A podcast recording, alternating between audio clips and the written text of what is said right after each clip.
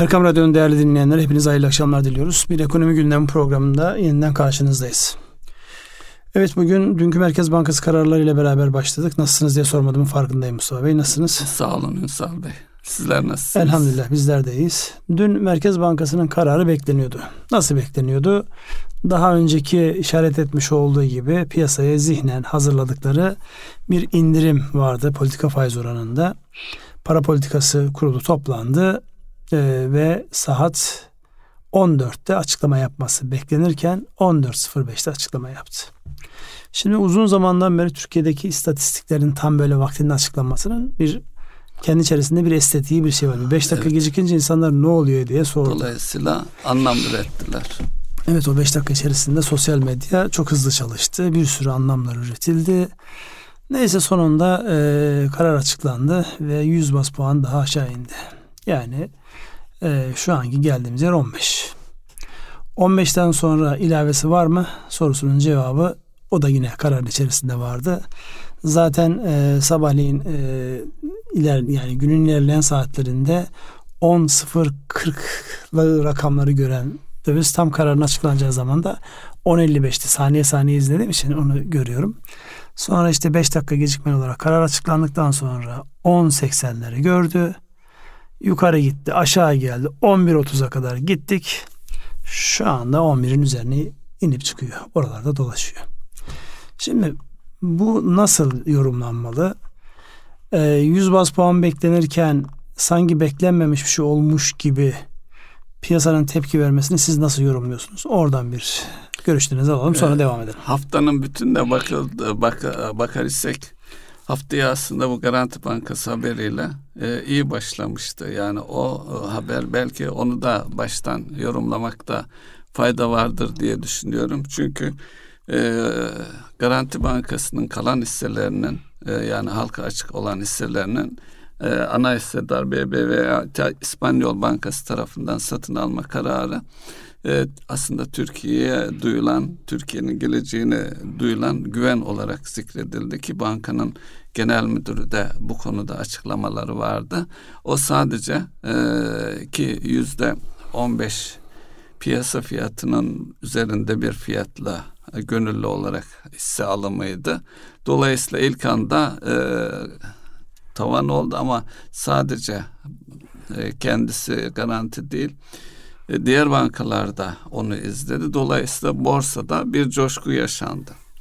Ve daha önceki e, karamsar e, e, şey ortam kayboldu diyebiliriz. Çünkü e, daha önceki süreçte yabancılar hem hazine bonolarından hem borsadan çıkarken büyük bir e, grup e, yatırımını artırdı. Artırdı değil. Artıracağını, Artıracağını karar ilan açıkladı. etti. Zaten sıkıntı burada yani. Henüz alınan satılan bir şey yok. Ee, başvuru yapılmış büyük bir ihtimalle ama ne kadar alabilir bilmiyorum artık şu anda piyasa fiyatı da o açıklanan fiyata gelmiş durumda. Ya o zaten primini yapacağı kadar yaptı. Yani buna bağlı olarak özellikle Türk varlıklarına yönelik yatırımların başladığı şeklindeki algı herkes tarafından pozitif algılandı. Bu iyi bir şey. Ama baktığımızda şöyle bir e, kendi içerisinde şöyle bir e, dramatik bir durum var. Vakti zamanında yani hem borsanın dolar karşılığı anlamda hem de teker teker işletmelerin dolar karşılığıyla uzaktan yakından alakası yok şu anki fiyatlamalar. Evet ilk e, alım fiyatı 18 milyar dolar üzerinden yarısını almışlar. Evet. Şu anda e, 2.2 milyar euroya kalan yarısını alıyorlar. Dolar bazında da bakarsak neredeyse dörtte bir fiyat ediyor yani. yani. 4 dolar 1 dolara gelmiş. Dolayısıyla burada evet yani. Ama onlar bak- açısından e, empati yaparsak da daha önce çok fahiş fiyat aldıklarını düşünüyor olabilirler. Yani, yani bir boyutu da o onu da görmek Tamam da eğer öyle düşünüyor olsalar e, geri kalanını almazlar. Yani bugüne kadar hiç İspanyolların işte, memnun olmadığına dair bir e, şey gör, duydunuz mu? Ama mesela? bankanın ilk 9 ay karı 9 e, milyar TL neredeyse senede 1 milyar dolar kazanan bir bankadan bahsediyoruz. Tamam. Yani buradan Türkiye'nin, baktığımızda evet. herhangi bir şey yok yani bir pişman olmuşlukları yok. Dolayısıyla yani öncekini 18 milyar dolar üzerinden almış olmaktan dolayı onları rahatsız edecek bir performansı yok ortada. E, geçmişte e, yabancılardan işte Citibank, Akbank'a girdi. işte başka farklı bankalar, farklı bankalarla işbirlikleri yaptı.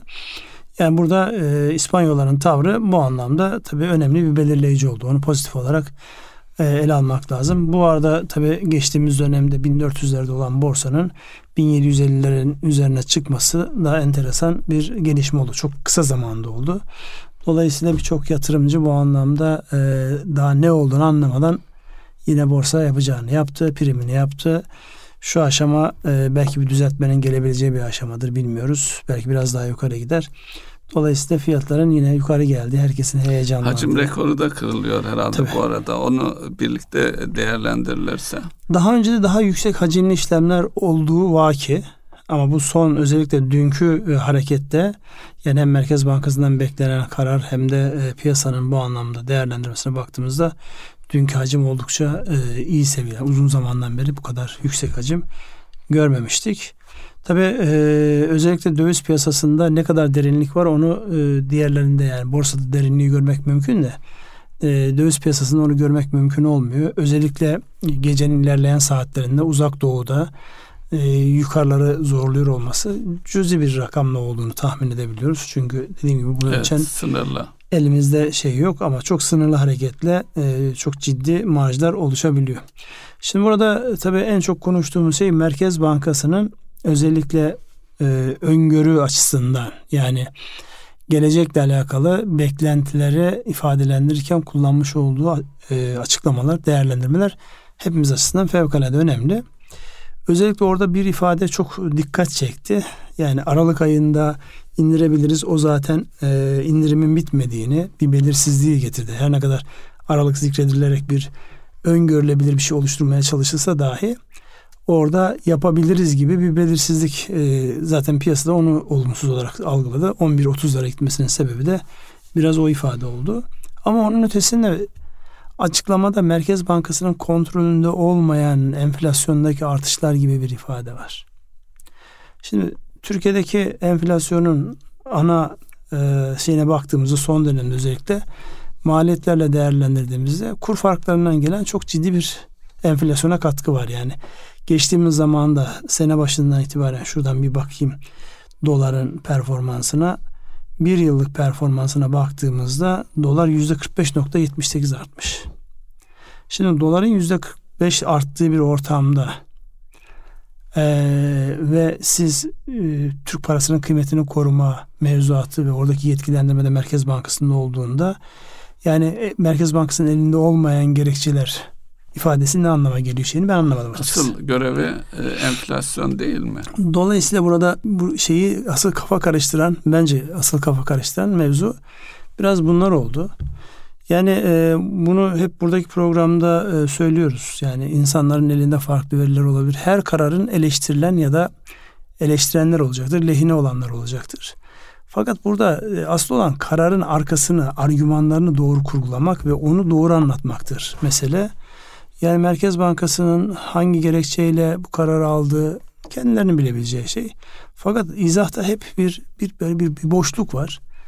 O biraz kafa karıştırıyor. Yani e, para politikası dediğimiz şey piyasadaki dolaşan paranın hacminin belirlenmesiyle alakalı kullanılan alet edevatların toplamının bütünü. Ve merkez bankaları da bu anlamda oldukça güçlüler. Yani bir taraftan e, brüt rezervi arttırırken öbür tarafta altında dahil ettiğimizde uzun zamandan sonra ilk defa net rezervde de artıya geçildi. Onu da gördük. Bunlar iyi ama onun karşılığında özellikle hiç bozulmayan bir e, döviz tevdiat hesapları var. Yani insanlar bankalarda tuttukları, kayıt altına aldıkları e, mevduatlarında en ufak bir geri adım atma yok. Tam tersine her yükselişi e, satmak için değil almak için fırsat. bir bahane ve fırsat olarak görüyor. Daha yukarı gidecek şeklinde. Bu psikolojinin nasıl yöneteceğiyle alakalı bence e, bizim de kafayı oraya yormamız gerekiyor. Çünkü netice itibariyle hepimiz geminin içerisindeyiz. Bu geminin sağlıklı yürümesi ve hangi rotada gittiğini biliyor olmamız lazım. Geminin rotası neresi dediğimizde şu anki ekonomik olarak baktığımızda Merkez Bankası'nın açıklamış olduğu bu kararlarla değerlendirdiğimizde bir rota problemi var.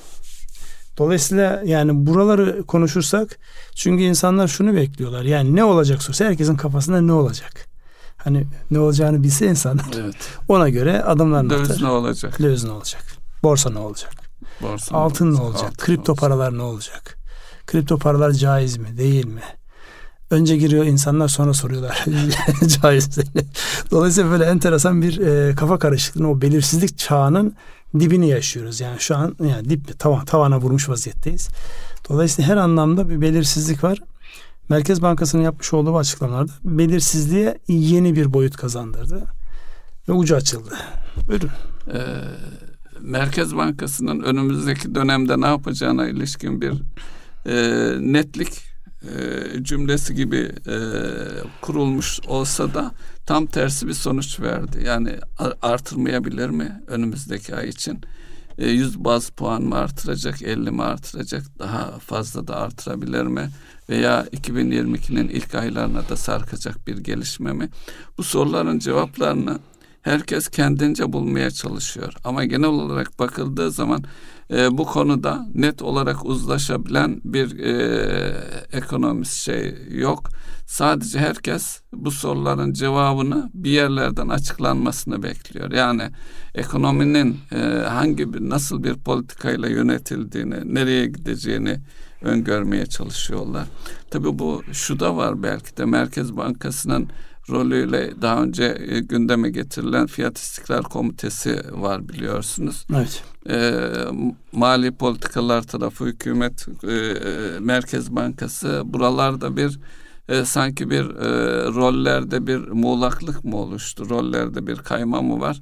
Dolayısıyla kimin e, söylediğine e, itibar edilecek. Bu arada siyaset tarafından da bunun arka planında nasıl bir politika izleneceği algılanmaya çalışılıyor. Orada da işte e, yani bu döviz kurunun, bu çalkantının bir yerde duracağı ve akabinde de özellikle ihracata, döviz girdisine e, bağlı olarak döviz girdisinin e, ve cari fazla verildiği süreç içerisinde kurum belli bir dinginliğe ulaşacağı ve inen faizler karşılığında da yatırımların hareketleneceği ve özellikle e, büyümenin e, süreci ve büyümeyle bağlantılı olarak da Türkiye'nin temel problemlerinden olan istihdama ilişkin sorunların e, özellikle 2022'nin sonundan itibaren net olarak e, hissedileceği e, gibi bir beklenti veya e, o tür söylemler de var. Her ne kadar yüksek sesle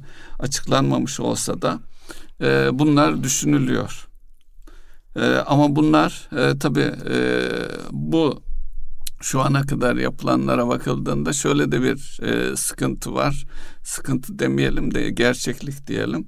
Dünyada merkez genel olarak dünyada bir enflasyonist süreç var. Doğal olarak dünyada e, bu enflasyonla baş etmek için de merkez bankalarının faiz başlayan e, faiz artırımları var ve faiz artırımına yönelik de hazırlıklar var. Yani bizde e, şu anki Merkez Bankası'nın politikası diğer ülkelerin politikalarıyla çelişir bir durum arz ediyor. Bu da e, bilinenin yani herkesin daha önceki öğrenmiş yaşanmışlıklarının aksine bir durum. Bu nereye varacak gerçekten bu e, hükümetin veya e, öngörülen noktaya gidilebilir mi noktasında bir e, şey var. E, nasıl ifade edelim? Belirsizlik var. Siz de e, cümleleri kurarken bayağı bir zorlandınız. Şimdi burada tabii e, şöyle bakmakta herhalde fayda olacaktır. Şimdi makroekonomik politikaların içerisindeki en önemli iki tane şey bir para politikası bir de maliye politikası var. Şimdi para politikası dediğimiz şey öz itibariyle şu. Merkez Bankası'nın buradaki güçlü oyuncu Merkez Bankası, Merkez Bankası'nın elindeki kullanacağı araçlarla faiz oranlarını belirlemesi, piyasaya vereceği, bununla da piyasaya vereceği likitliği, para arzının kontrol edilmesi. Özünde bu var. Maliye politikasının tarafında ne var? Maliye politikasında da e, kamunun burada Merkez Bankası devrede değil, burada Hazine ve Maliye Bakanlığı devrede. Kamunun vergi tutarlarını indirerek, arttırarak, e, doğrudan insanların kullanımına bazı kaynaklar oluşturarak, yani insanların harcama pozisyonunda değişiklikler yapacak kararlar alarak ekonomi canlandırmaları, Yatırımlar soğutmaları, var değil mi? tabii yatırımlar da bunun içerisinde teşvik ederek insan, insanların yatırım yapmasını, yatırım yapıldıkça istihdamın olması, dolayısıyla geniş halk kitlesinin oradan bir gelir elde etmesi, iş sahibi olması gibi politikaların böyle yan yana. Bir de yapısal politikalar var. O daha uzun vadeli. Sizin sisteminizle yani benimsediğiniz ekonomik sistemle birebir alakalı düzeltmeniz gereken bazı şeyler var. Orada tabii onun en önemli yansımalardan bir tanesi yapısal e, politikalar gelir dağılımını etkiliyor. Gelir dağılımındaki bozulmalar yani siz ne kadar doğru şeyler yaparsanız yapın, ne kadar doğru para politikası uygularsanız uygulayın, ne kadar iyi maliye politikaları uygularsanız uygulayın. Ama sonucunda insanların arasında, o toplum içerisinde yaşayan insanlar arasında gelir dağılımında bozulmalar başladığında ya da arttığında mutsuz bir kitle karşınıza çıkar. Ve sizin yapmış olduğunuz iyi şeylerin hepsi bir anda unutulabilir. Külfet nimet paylaşımı diyor. Aynen öyle. Dolayısıyla bizim şu son dönemde yaşadığımız aslında bütün konuşmaların sebebi gelir dağılımında bir anlamda ciddi bir farklılaşma oldu. Ekonomik durumu iyi olanlar, servetleri iyi olanlar, servetleri dövizde, altında, XY'de olanlar gittikçe zenginleştiler. Bunun karşılığında sabit gelirli insanlar önce markete gittiklerinde doldurdukları sepette azalmalar oldu, gramajlarda azalmalar oldu. Şimdi gramajlarda ciddi bir e, fark hissediliyor. Bu da otomatik olarak ne oluyoruz kaygısını insanların önüne düşürdü. Daha önceden alt gelir grubunda yani asgari ücret ve onun biraz üzerinde olan gelir grubu bundan çok ciddi etkilenirken şimdi orta direk rahmetli Özal'ın meşhur orta direği var diye. Orta direk direğin üstü, direğin biraz daha üstü orada da sabit gelirli olan tarafta da ciddi bir hissediş var. Bunu nereden anlıyorsunuz biliyor musunuz? Eskiden yurt dışına çıktığımızda yani hani çok eskilere gitmeye gerek yok yani şu 10 yıllık zaman içerisinde. Yani 1 doların 2-2,5 lira olduğu zamanlar ki 1 liraya yaklaştığı zamanları da hatırlıyoruz. 1.2 olduğu zamanları da hatırlıyoruz. Yani bir şeyler alabilme şey vardı. Geçen hafta Azerbaycan'daydım. Belki biraz orana da değinebiliriz. Evet, e, orada ekonomi o, nasıl, oradan ülkemiz nasıl görünüyor? Önce şu şeyi bir anlatayım. Şimdi e, zihin o kadar aldatıyor ki kendini. İşte havalandan dönüşte bakıyoruz işte biraz uçağın beklerken. Orada işte çanta gördüm işte iş adamlarının en büyük şeyi nedir? İşte çantası olsun falan bakıyorum. 450 euroyu görüyorum. 445 euro hatta. Ha diyorum ne güzel işte işte 450 lira şimdi zihin bir sıfır atmış. Evet. 450 lira al alayım Türkiye'de de bu kadar ucuz mu diye iyiymiş yani havalanda olmasına rağmen iyiymiş. Sonra jeton düştü. 445 euro 445 lira değil. 5000 kaç? 6000 lira. 6000 lira. Dolayısıyla yani beyin bir an böyle şeyi adapte olmakta zorlanıyor. Yani eski o çok sıfırlı zamanlardaki gibi oturup hesaplamak zorunda kalıyorsunuz. Şimdi daha e, bundan 10, 20 sene önce bağımsızlığını ilan etmiş, 30 sene önce bağımsızlığını ilan etmiş. Azerbaycan'ın işte ekonomisinde özellikle petrol bağlantılı olarak gelen şeye baktığınızda işte 1 dolar eşittir işte 1.7 yuvarlayarak söyleyeyim 1.7 manat. Orada bile yani paranızı bozup e, elinizdeki doları bozup manat aldığınızda oradaki harcamalara gittiğinizde bile yani şu kısa mesafe taksi şeyi 100 lira 150 lira gibi böyle anormal fahiş fiyatlara gelmeye başlıyor. Yani bunu nerede yani resmen şunu hissediyorsun. Erimiş yani. Evet, Kaynaklarımız dışarıya erimiş. çıkınca daha da net anlıyorsun. Daha net anlıyorsun. Dolayısıyla dışarıya çıkmaya gerek yok anlamak için. Marketteki sepet zaten kendini gösteriyor. Buralar sıkıntılı. Yani buralarda özellikle önümüzdeki yani e, seçimlerin 2023'ün Haziran'da olduğunu düşünecek olursak bir buçuk yıl gibi bir zaman var. Hadi onun son 3-4 ayının e, tamamen seçim atmosferine girileceğini düşünürsen bir yıl gibi bir zaman var ve bu bir yıl içerisinde insanların e, daha fazla sepetlerinin küçülmemesi mümkünse tersine. artması Telafi edilmesi. işte mümkünse artması bunlara kafa yormamız gerekiyor. Geçen haftaki programda değinmiştik işte. Bütün sanayiciler, iş adamları herkes asgari ücret yüzde 40, 50 birileri 70'e kadar çıkardı. Artık yüzde yüz e, olmalı diyebiliriz yani bu son gelişmelerden. E, tamam da ne- Çünkü şu son haftaki yani bu haftaki e, gelişmelerden döviz kurundaki gidiş enflasyona mutlaka yansıyacak. Şimdi bir hafta içerisinde yüzde e, ona varan bir artış diye düşündüğünüzde bunu şimdi konumuz neydi? Faizdi. Yani burada e, Erkan Radyo'da faiz hesabı yapacak değiliz yani adat hesabı yapacak değiliz ama hadi onun finansmanın e, matematiğini kullandığımızda bir haftadaki yüzde beşlik bir artış yıllıkta kaça denk düşüyor? 52 ee, haftayla çarparsanız basite ulaşırsınız yani çok, zaten. Çok e, fahiş rakamlar ulaşıyor. Şey Dolayısıyla var. yani faiz kur artışı, kur artışını insanlar faiz olarak algılamıyor. Yani kural şudur. Dini tarafı hariç.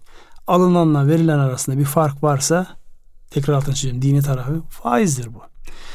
Döviz aldık biz 8 liraya bugün 10 lira. O aradaki şeyi neyle açıklayacağız biz? Hangi emeğin karşılığı diye açıklayacağız?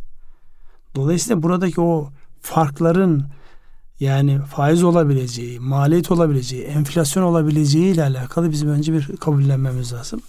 Ama tabii e, yine olay dönüyor dolaşıyor. Karar vericilerin vermiş oldukları kararların herhalde nerelere ulaşacağı konusunda da o konumdaki insanlar biliyordur diye kabul ediyoruz. Fakat yansımalar açısından baktığımızda e, canımızı yakıyor. Canın yanması da iyi bir şey değil. Evet. Peki burada kur konuşuyoruz da kurun sonuçlarını da konuşmamız gerekir diye düşünüyorum. Şimdi kurun sonuçlarını konuşalım. Özellikle evet. Merkez Bankası'nın iddia ettiği cari fazla vererek enflasyonu düşürme süreci yani bir kere politik olarak nereye oturuyor sorusunu Merkez Bankası'nın ilgi alanında değil bu. Merkez Bankası paranın hacmiyle ilgilenir. Cari fazla vermek diğer ekonomi politikalarıyla alakalı. Maliyesi var bunun, teşvik sistemi var. Bir sürü şey var şu yapılmak isteniyorsa onu bir ölçüde anlayabiliriz. İthalatı kısabildiğimiz kadar kısalım. Gideri kıstığınız zaman o etkisi mutlaka olacak ama. E, etkisi olacak da bu şeye sebep olabilir. Kaçakçılığa, illegaliteye sebep olabilir. El altından kurulan farklı şeylere sebep olabilir. Dolayısıyla yani orada çok iyi hakim olmak gerekir. Yani bunu otomobilde kontrol edebilirsiniz elektronik eşyalarda özellikle telefonla kontrol edebilirsiniz. Ama hayat sadece otomobil ve elektronik eşyadan sınırlı değil ki. Evet, sigara kaçakçılığından tutun elektronik e, eşya kaçakçılığına e, canlı kadar. hayvan sınırlardaki canlı, canlı hayvan, hayvan evet. geçişlerine bakın. Çünkü sizdeki maliyetler arttığı zaman çevre açısından siz pazar haline geliyorsunuz. Resmi olarak ithalat azalmış gibi gözükseniz dahi resmi olmayan kanallarla ülkeye akmaya devam eder. Özellikle mallar. ithal edilen mallarda e, büyük bir gümrük vergisi varsa bir de özel tüketim vergisi var. Doğal olarak da e, o vergiyi ödemeyecek yollar aramaya başlıyor e, insanlar. Bunun sonu, o tür mekanizmalar da oluşuyor. Bunun sonucu ne? Paranızın kıymetini yeterince korumadığınız zaman size işte maliye politikanızı darmaduman eder. Gel, gümrüklerden alacağınız vergileri alamazsınız. Alamazsınız. Dolayısıyla orada e, e, denklik bozulur. Rekabet ortamı bozulur. O rekabet ortamının bozulması, denkliğin bozulması yani e, sizin vergiye tabi olan insanlarla bir şekilde vergiden kaçınan insanlar arasında ciddi bir e, fark oluşur ve devletin üzerinden e, siz yani devletin uygulamış olduğu politikayla birilerine yine o gelir dağılımı ile alakalı şeyler çıkabilir. Dolayısıyla bunların hepsi önümüzdeki meseleler. Yani bunu Farklı birileri yapmış değil. E, e, bir ithalatçı, bir ihracatçı nasıl fiyat belirleyecek? Yani orası zaten meşhur ötesi bir şey. Şu an özellikle e, birçok sektör daha önceden Türk lirasının yani e, en azından yüzde 50-50'nin üzerinde kabul gördüğü dönemde İnsanlar normal e, ticaretlerini yapıyorlardı. Faturalarını kesiyorlardı. Tahsilatı bekliyorlardı. Şimdi herkes faturayı tahsilat gününe kadar bekletiyor. O günkü kurdan. Çünkü kur riskini kimse almak istemiyor. Parayı Bu göndereceği, e, tahsil ettiği gün. Aynen öyle. Bu bir taraftan evet normal işleyen süreç için. Ama öbür taraftan da aslında bizim belki konuşmamız gereken en önemli hususlardan bir tanesi e, ham madde tedarikiyle alakalı çok ciddi sıkıntılar başladı. Dün e, işte iş adamları derneğinde farklı sektörlerden iş adamlarıyla bir, bir aradaydık. E, kağıt işi yapan, daha doğrusu kağıt işi demeyeyim, kitap basan bir e, kişinin şöyle bir ifadesi oldu. Ben de, de eskiden e, belli standarttaki kitapları basar, zincir mağazalara satardım. Senede iki kere beni e, sepete alırlardı. Dolayısıyla bu da benim ticaretimde önemli bir yer işgal ediyordu. Geçen sene yaptığımda bu kağıdın maliyeti 100 bin liraydı bana. Yani bütün şeyi yaptığımda. Şu an kağıdın maliyeti 300 bin lira. Ama benim bir sene önceden fiyat verdiğim için şu an direkt zarar yazıyorum. Yani 200 bin lira direkt zarar yazıyorum. Ee, rica ettim. Dönem yalvardım. Zaten. Yakardım. Anlattığım durumu. zinhar kabul etmez. Yok kabul etmişler. Zincir mağaza görmüş. Demiş ki madem böyle yani ama bundan sonraki yani biz sepetten çıkıp çünkü düzgün olarak yani artık zincir mağazalarında bu anlamda gerçekten şeyler var yani. Ayın hangi haftasında hangi ürünün sepete gireceği çok iyi algoritmalarla hesaplanan ve tedarik edilen şey. Mesela diyor ki belki ben müşterimi kaybettim. Yıllarca girebilmek için uğradığım, uğraştığım müşterimi kaybettim belki diyor. Şimdi bu tedarik tarafından gelen ve artık işletmeler de bu anlamda ne oluyor? İşini kaybettiği için çalıştırdığı elemanı çıkarıyor. Daralıyor, küçülüyor. Bunun tek e, işlediği, sağlam işlediği yer neresi olabilir? İhracat tarafı olabilir. İhracat tarafında da giderek yani Türk lirası maliyetlerle yapılan ihracat yani nerede olabilir? Mobilya da olabilir. Neresinde mobilya e, şu an e, hangi ürün Türk lirası üzerinden fiyatlanıyor ki? E, orada da zor yani ihracatçı açısından da tedarikinde e, sıkıntılar, maliyet sıkıntıları var. Tekstil diyelim en güçlü olduğumuz alanlardan bir tanesi. Hangi ürünü Türk lirası tedarik ediyorlar ki? İpliği mi? E, sentetik. Sentetik? Dolayısıyla Pamuk, evet. çok iç içeyiz. Yani e, artması ihracatı yani arttırmıyor. Tek dediğim gibi yani dövizin e, kurun yüksek olmuş olması ithalatı frenleyebilir. Çünkü gelir sepeti de daralacağı için insanlar yani e, bugün alabilecekleri bir şeyi fiyatlardan dolayı biraz daha bekleyelim. Biraz daha ötelenebilir ama bunun ilahi nihai ötelenecek bir ama şey değil. Bugün itibariyle bugün alabilecekleri bir gelecekteki ihtiyaçları bile olsa şu anda e, almalarının fiyat açısından daha uygun olduğunu söyleyebiliriz. İşte tehlikeli olan yerde orası. Yani insanların şu an ihtiyacı yokken bu ileride daha da yukarı gider deyip insanlar kredi kartlarına ya da mevcut tasarruflarına yüklenirlerse o zaman ekonomi bütün dengesi allak bullak olur. Asıl olan nedir? Gelecekle, bugünle ve gelecekle emin olarak insanların hareket etmesi. Yani bu tekrar iş dünyasını stokçuluğa döndürür, başka şeylere döndürür. Yani orası çok tehlikeli bir alan. Yani inşallah e, uzun sürmez. Burada Merkez Bankası'ndan hareket ettik. Yine Merkez Bankası'nın bir açıklamasının üzerinden geçelim. Özellikle enflasyonla alakalı şeyin artık daha uzun süreli olacağı yani Avrupa Amerika Merkez Bankası diyor diye yani geçici olduğu kabul edilen enflasyonun sonra geçici olduğunu düşündüğümüzde cümleyi değiştirdiler. Ona benzer ifadeler bizde de gelmiş. Bir taraftan enflasyonun yükseleceğiyle alakalı ifade kullanılıyor. Öbür tarafta faiz indirimi yapılıyor. Bu da kendi içerisinde nereye koyacaksan koy.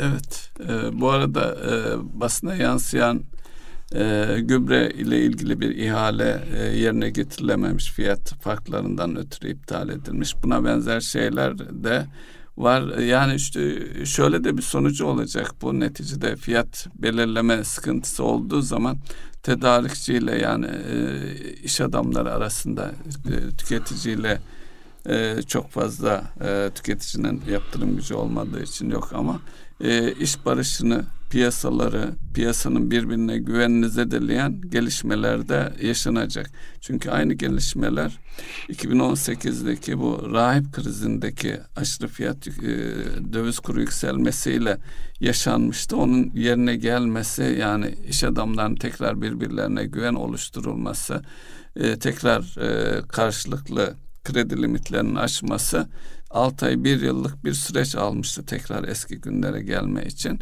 Şu anda büyük bir ihtimalle de e, siparişini veren e, bekleyen siparişini göndermiyordur fiyat e, zarara döndüğü için. Birçok problemler yaşanıyordur şu anda. E, farkında değiliz ama e, iş adamlarının ticaretle, sanayiyle uğraşan herkesin gündeminde e, bu fiyat sorunu var. Şimdi burada tabii özellikle kapasiteyle alakalı e, istatistiklere baktığımızda şu an sanayi tarafı full kapasite çalışıyor. Bugün. Ama kiminle konuşuyorsak herkeste şöyle bir şey var. Elimde bir buçuk iki ay üretim yapacak kadar ham maddem var. Sonrasının maliyet açısından kestiremiyorum. Bunu içerideki maliyetlerden bahsetmiyoruz. Uluslararası tedarikten evet. bahsediyoruz. Kestiremiyorum ne yapmam gerekir? Yani orada e, birkaç tanesine her gün mal, mal alım yapacaksın. Siparişlerde de gevşeme var diye önümüzdeki aylara ilişkin bir bilgi var ama e, bir iş adamından duydum ne kadar yaygınlık ya sektörel olarak bilmiyorum. fark ediyor. Yani benim konuşmuş olduğumun öyle satmak diye bir problem yok. Sadece ham madde tedarikinde e, marjımız daralıyor. Dolayısıyla eskiden daha bir marjı üretirken ve satarken şimdi marjımız daralıyor. Hepsinden önemlisi tedarik edebilir miyim diye endişe taşıyorum. Yani özellikle mesela Türkiye'nin demir çelik sektörü, demir çelik benzeri özellikle bu dökümdü, buna benzer sektörler çok ciddi dünyanın muhtelif yerlerinden hurda ithal ediyoruz biz. Evet hurdanın ithalinde hile ee, olabilir. Gemi sökümünde de ciddi bir hmm, oradan ciddi hurda bir tedarikimiz var. var. E orası şey anlamında. Gemiler değerli hale geldiği için orada tıkanma olabilir. Henüz tıkanma aşamasında değil çünkü e, nihai ürünün değeri çok yukarıda olduğu için tıkanma yok. Sadece tedarikinde sıkıntılar yaşayabiliyoruz diyorlar. Dolayısıyla yani bu e, dünyanın e, tedarikle alakalı endişeler taşıdığı bütün bize benzer bütün merkez bankalarının e, daralmayı düşünerek attığı adımın ters istikamette adım atıyor olmanın muhakkak bilinen ya da değerlendirilen bir tarafı vardır diye düşünüyoruz. Fakat yapılan açıklamalara bakınca öyle derinlemesine bir şeyin olmadığını Şimdi maalesef söylemek zorundayız. Cari açık cari fazlamızda en fazla etkileyen kalemlerden biri de enerji fiyatları, petrol. Ee, dünyada da e, özellikle son haftada bir takım gelişmeler var. Petrol fiyatlarının belli bir seviyede tutulması hatta aşağı enflasyonla küresel olarak mücadele edebilme adına e, e, petrol fiyatlarının aşağı çekilmesine yönelik Amerika ve Çin'le bir e, görüşmesi başkanlar seviyesinde olduğu yansıdı ve Çin'in de kendi stratejik e, stoklarını Amerika ile birlikte başka ülkelerin de katılması söz konusu olduğu söyleniyor. E, böyle de bir mücadele var. Bunun doğal olarak da en fazla canını yakacak ülkelerden birisi de biziz. E, ne dersiniz bu konuda? Sonuç alınabilir mi? E, orada faturamızın yükselme riski e, ne kadar devam eder? Şimdi şu an zaten fatura yükseliyor. Özellikle e, geçen hafta petrol fiyatları biraz nispeten daha dengeli geldi. Halbuki hatırlarsanız e, bazı yatırım bankalarının petrol fiyatlarının 120-130 dolarlara kadar çıkacağından bahsediliyordu. Yani o kadar sert hareketler olmasa dahi en azından bir hareketlenme oldu. Altında bir hareketlenme oldu yukarıya doğru. Yani geçen hafta çok enteresan bir hafta. Daha doğrusu geçtiğimiz bu, bu hafta. Evet, bu içinde. Yani e, dolar şeye karşı euroya karşı güçleniyor, altın artıyor, petrolde hareketlenme var, bütün mallarda hareketlenme var. Söylemiş olduğunuz şey öbür tarafta iki dev ekonominin siyaseten de dünyada güç sahibi olmak isteyen iki dev yapının tepişmelerinin sadece bir tarafa bakarak ah tamam böyle oluyor deme ihtimali yok. Bir taraftan onu yapıyor. Yakın zamana kadar biliyorsunuz Çin e, başta bakır stoklar olmak üzere daha fazla yükselmesin diye bakır stoklarına satış yaparak biraz piyasayı rahatlatmaya çalıştı. E, öbür taraftan Hindistan yani ben savaşa girersem elimdeki stoklar ancak bir hafta yeter deyip iki haftaya çıkarma kararı aldı. Bu sefer tam tersi istikamet. Onun için bu denge çok değişecektir. Yani sadece bir anına bakmak değil Burada özellikle işletmeler tarafında bizim stratejik yönetim de çok önemsediğimiz yani danışmanlığını yaptığımız firmalara da sıkça gündeme getirdiğimiz şey klasik donuklaşmış duvara yapışık kalmış bir stratejinin işlemeyeceği bir dönemdeyiz. Çok dinamik bir yapı var. Dolayısıyla stratejinin dinamik, dinamik olması lazım. Bunun adı da şu an çeviklik olarak e, karşımıza geliyor. Çevikliğin anlamı ne? Değişen şartlara en hızlı uyum sağlayabilme becerisi. Şimdi değişen şartlara işletmeler hızlı uyum sağlayabiliyor mu? Karar mekanizmasına göre büyük büyük çoğunluğu evet. Çünkü bizde hala daha aile işletmesi, patron işletmesi yani çok büyük yapılar değil. Dolayısıyla böyle bürokrasinin yavaş işleyip de kararların e, geç alındığı bir yapı yok. Hızlı karar alıyoruz zaten. Biraz klan sistemi dedikleri aile işletmelerin temel özelliği nedir? Esnekliği yüksektir. Değişen şartlara hızlı adapte olur. Ama bu adapte olunacak şartlar sizin elinizdeyse adapte olursunuz. Öngörebiliyorsanız. Öngörebiliyorsanız nispeten. Şimdi devlerin tepiştiği yerde sonucunu beklediğiniz şeyde siz en son üzerinize gelen çığı görürsünüz, kayayı görürsünüz. Dolayısıyla burada yani o çeviklik bir yere kadar iş görüyor. Özellikle e, yeni piyasaların edinmesi noktasında Türk iş, iş insanının müthiş manevra kabiliyetini her yerde görüyorsunuz. Yani Amerika'da ilk defa cari fazla vermişiz. Uzun zamandan sonra. Yani Amerika ile çok büyük bir ticaretimiz yok ama cari fazla vermiş olmak önemli bir adım. İngiltere ile zaten cari fazla veriyorduk. Ama onun e, haricinde başta Çin ve Kore olmak üzere bu yapılara karşı da hala cari açık vermeye devam ediyoruz. Bizim evet. buraları nasıl kapatacağımız çok önemli. Ee, işte eleştirilerden önemli bir şey bu e, kurlardaki e, sıkıntı. E, şu an hemen yansıyor ama ihracatta kapasitelerin e, sınırına geldiğimiz için oradan yatırım yapma kararı alsanız bile e, makul seviyede kredi bulsanız bile tabiatıyla onun bir e, yatırım süresi, üretim süresi bir zaman alacak. Dolayısıyla orada bir zaman olarak e, dengesizlik olduğunu söyleyebiliriz. Bir de bunun yanı sıra yıllardır söylediğimiz e, yapısal e, sorunlarımız yani ihracatımızın yüksek teknoloji içindeki payının yüksek teknoloji ürünlerinin payının oldukça düşük olması e, temel sorunlardan bir tanesi. Belki bunlarla şu aşamada nasıl bir e, aksiyon alınır bilmiyorum. Peki bu arada Ünsal Bey e, tam da e, bu firmaların stratejik olarak yaklaşımını söz ettiniz. Bütçelerinde son haline verildiği dönemdeyiz. Evet. Gelecek yıl bütçelerine. Şimdi bir bütçe yaparken yani e, firmalar nasıl hareket etmeli, nelere dikkat etmeli desek dikkat edecek yani hani yine e, belirleyebildikleri hususlar var, belirleyemedikleri hususlar var. Özellikle mesela son dönemde e, borsa performansına da baktığımızda halka açık şirketlerden hangileri prim yapıyor? Döviz fazlası verebilenler, ihracat çalışabilenler prim yapıyor. Döviz borcu olanlar yani endeks 1400'lerden 1750'lerin üzerine çıkmış olmasına rağmen çok hafif bir performans gösteriyor. Çünkü onların yani şu an borcu da yükü de artıyor. Dolayısıyla buradaki yani faaliyet gösterilen sektör, iç piyasa, dış piyasa, döviz üretebilme becerisi, buna bağlı olarak borçluluk yapısı bunları yan yana koyduğumuzda yani genel bir ifadeden ziyade her bir firmanın, her bir işletmenin içinde de her bir iş kolunun kar merkezi dediğimiz yani 10 tane farklı ürün üretiyorsunuz. 8 tanesinden kar ediyorsunuz. 2 tanesinden zarar ediyorsunuz.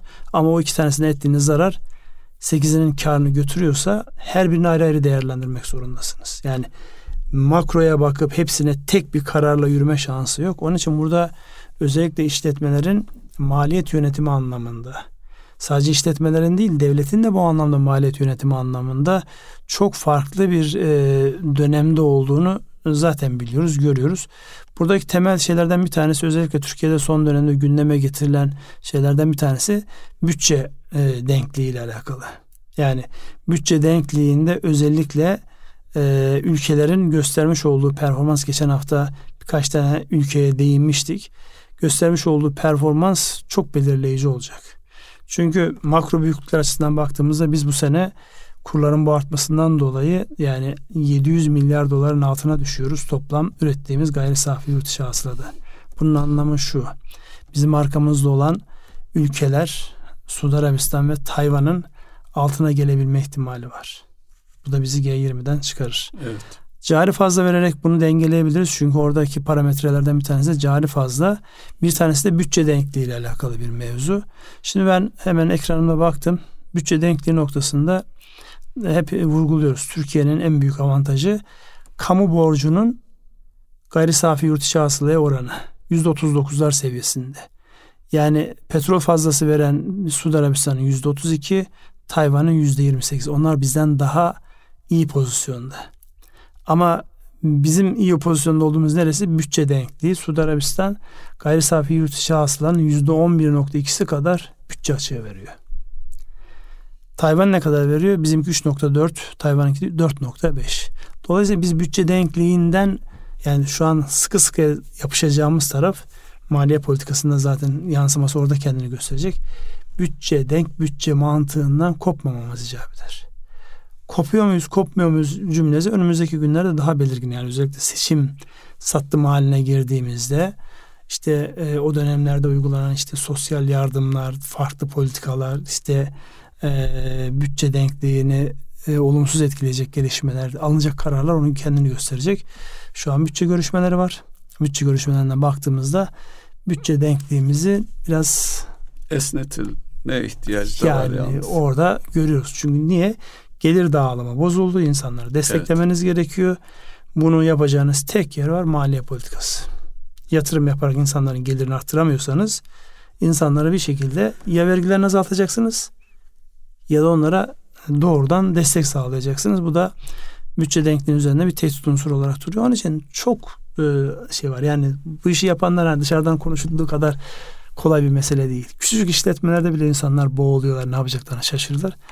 Koca devletin ve birbirinden çelişen e, dinamiklerin olduğu yapılarda onları sağlamak kolay değil.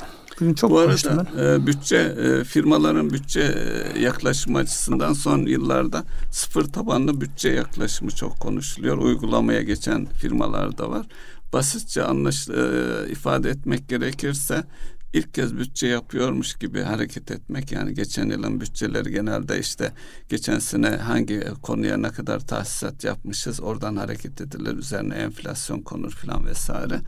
Bu yaklaşımda da e, ilk kez bütçe yapıyormuş gibi bir yaklaşımla elinizdeki kaynakları nerelere aktaracağınız, nerelere yatıracağınıza ilişkin bir yaklaşımda e, yapılıyor. Sizin az önce zikrettiğiniz gibi işte hangi ürünü öne çıkartacağız, hangi ürünü piyasadan çekeceğiz veya hangi kanallara aktaracağız gibi e, bir yaklaşım. Bunu da yeri geldiği için zikretmekte yarar var. Evet yani burada şu an e, 1929'daki dünya ekonomik buhranı ki o zaman yani dünya ekonomik buhranı değil aslında e, şey Amerika'nın Amerika'da başlayan Avrupa'ya da kısmen sirayet eden bir e, krizden bahsediyoruz. Ama şu an dünyanın yaşamış olduğu hiç öyle yani onunla kıyaslanmayacak kadar büyük. Fakat e, buradaki temel yaklaşım şu.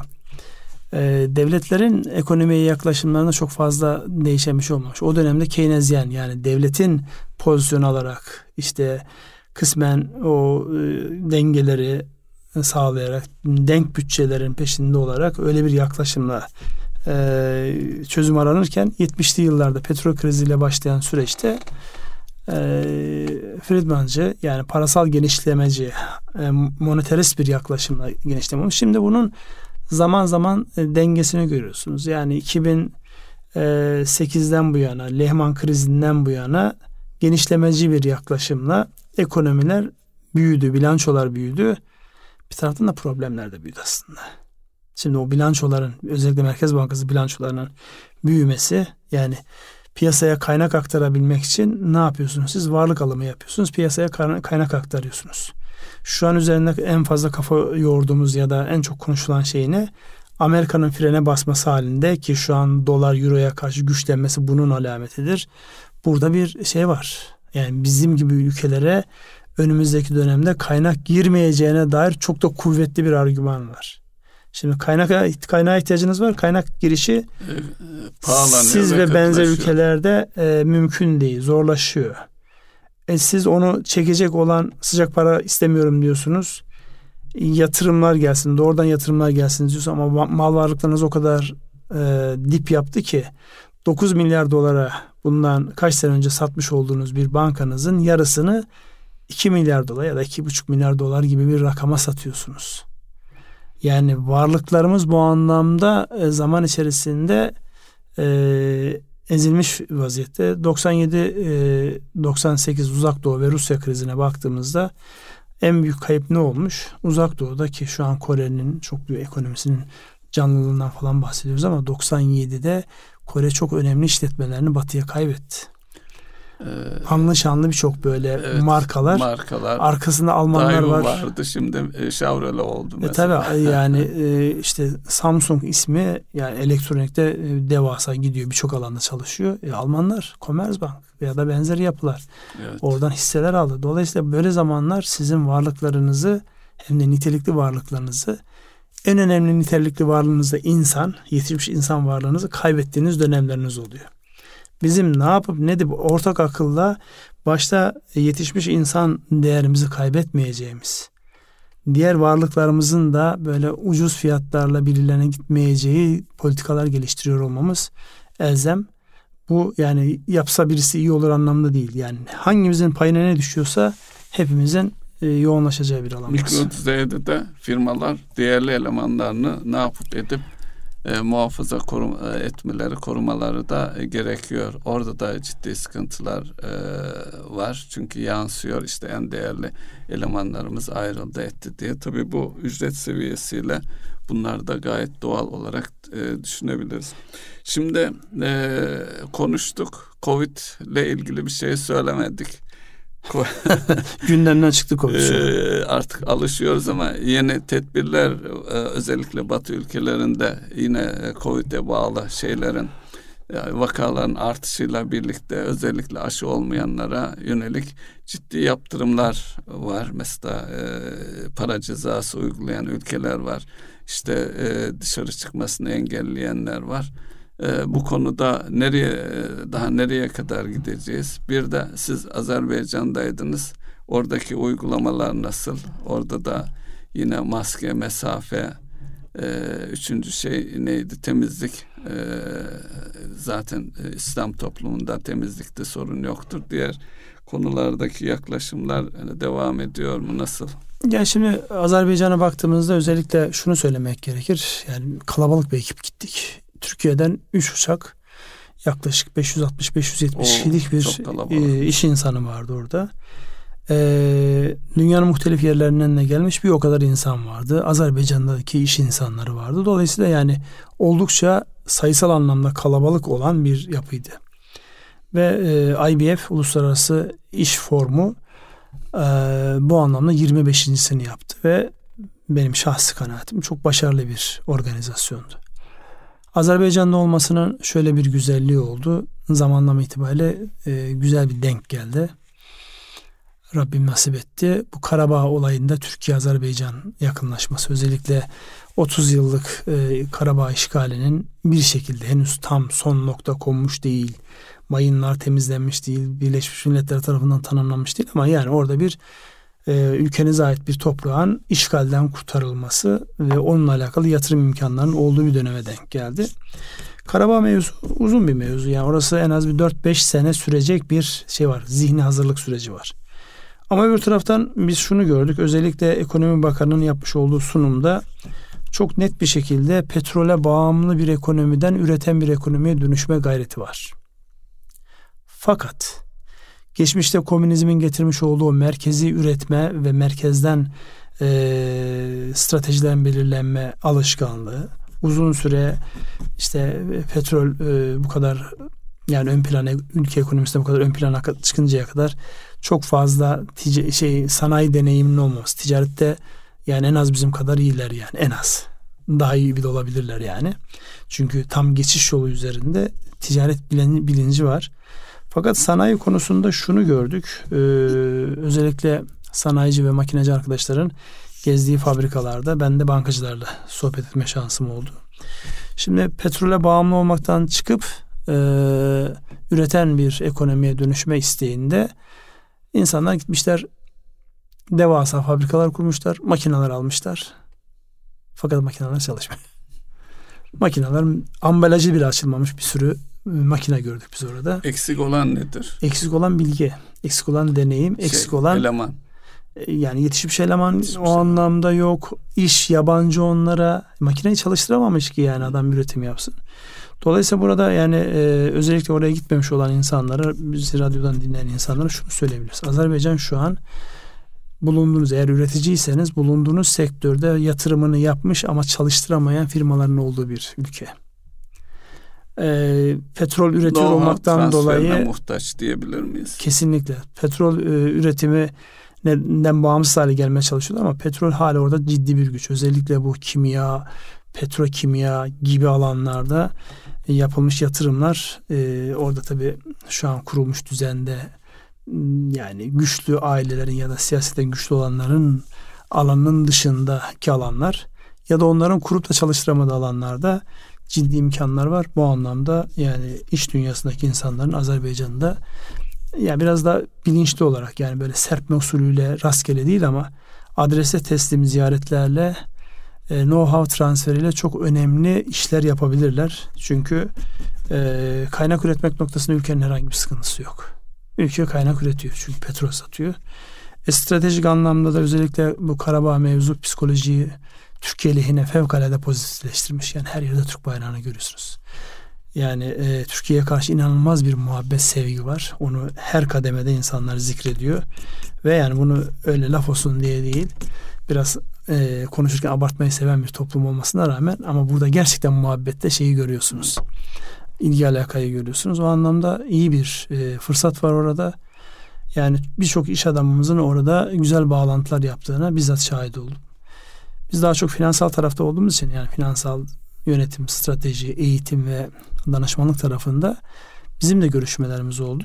Ee, burada bir şey daha gözlemledik. Oraya giden iş insanlarımızın da çok ciddi anlamda kendi işlerini gözden geçirme ihtiyaçları var. İşleri iyi fakat büyüdüğünde mevcut entelektüel sermaye ile nereye kadar giderler sorusunun cevabını henüz kendileri de cevaplamamışlar. Ama şunu gördüm bizim girişimcilerimizin gerçekten gözü çok kara. Çok ataklar. Çok gözü karalar. Yani inandıkları bir şeyin sonuna kadar gidebilme konusunda çok da becerikli olduklarını orada bir kere daha gördüm. Dolayısıyla ekosistem yani çevreyle birlikte değerlendirdiğimizde Türkiye'nin e, bir şeyde daha denk geldi. Özellikle Türkçe konuşan ülkeler topluluğundan biliyorsunuz isim değişti. İşte Türk Birliği'ne benzeyen 400 milyon nüfusu olan bir coğrafyaya oluşuyor. Dolayısıyla e, alt kimlikler e, yani şövenizm açısından değil ama ekosistem kurmak açısından önemli başlıklardır bunlar. Bunları değerlendirmekte fayda var diye e, düşünüyorum. Azerbaycan gezisi de öyle oldu. Yani gitmeyenlere gitsinler e, ama e, ricam Nisan'da Mayıs'ta gitsinler. Çok soğuk. Soğuktu. Yani şöyle Hazar Denizi'nin sınırında dümdüz bir şehir düşünün. Bakü'deydik ve çevre şehirlerde. Estiği zaman böyle e, iliklerinize kadar hissediyorsunuz. İsterseniz düzeltelim. E, Nisan'da değil sıkı giyinerek gitsinler diyelim. O da olsun. Ama böyle yani biraz da böyle rahat hareket etmek çünkü şeyi engelliyor. Yani hareket alanını engelliyor. Ee, şehir daha önceden 3 ya da 4 kere gitmiştim. Yani Bakü özellikle. Yani inanılmaz çehresi değişmiş. Öyle e, şey tarafı iyi olmuş yani. Görünen tarafı güzelleştirilmiş. Yani makyajı çok güzel yapmışlar. Diyebilirim. Güzel. Evet ekonomiden ne konuştuk bugün? Merkez Bankası'nın kararından başladık. Para politikaları, maliye politikaları, e, gelir dağılımı ve insanların cebine dokunmanın nerelere mal olacağı ile alakalı ve bunu hep birlikte ortak akılla çözmemiz gerektiği ile alakalı kendimizi de işin içerisine dahil ederek sadece eleştirerek değil ekonomi içerisindeki birer oyuncu olarak bizim de yapmamız gereken şeyler olduğunun Bu koşullarda sorumluluğum nedir? Evet sorayım size nedir sorumluluğunuz? Konuştuk zaten.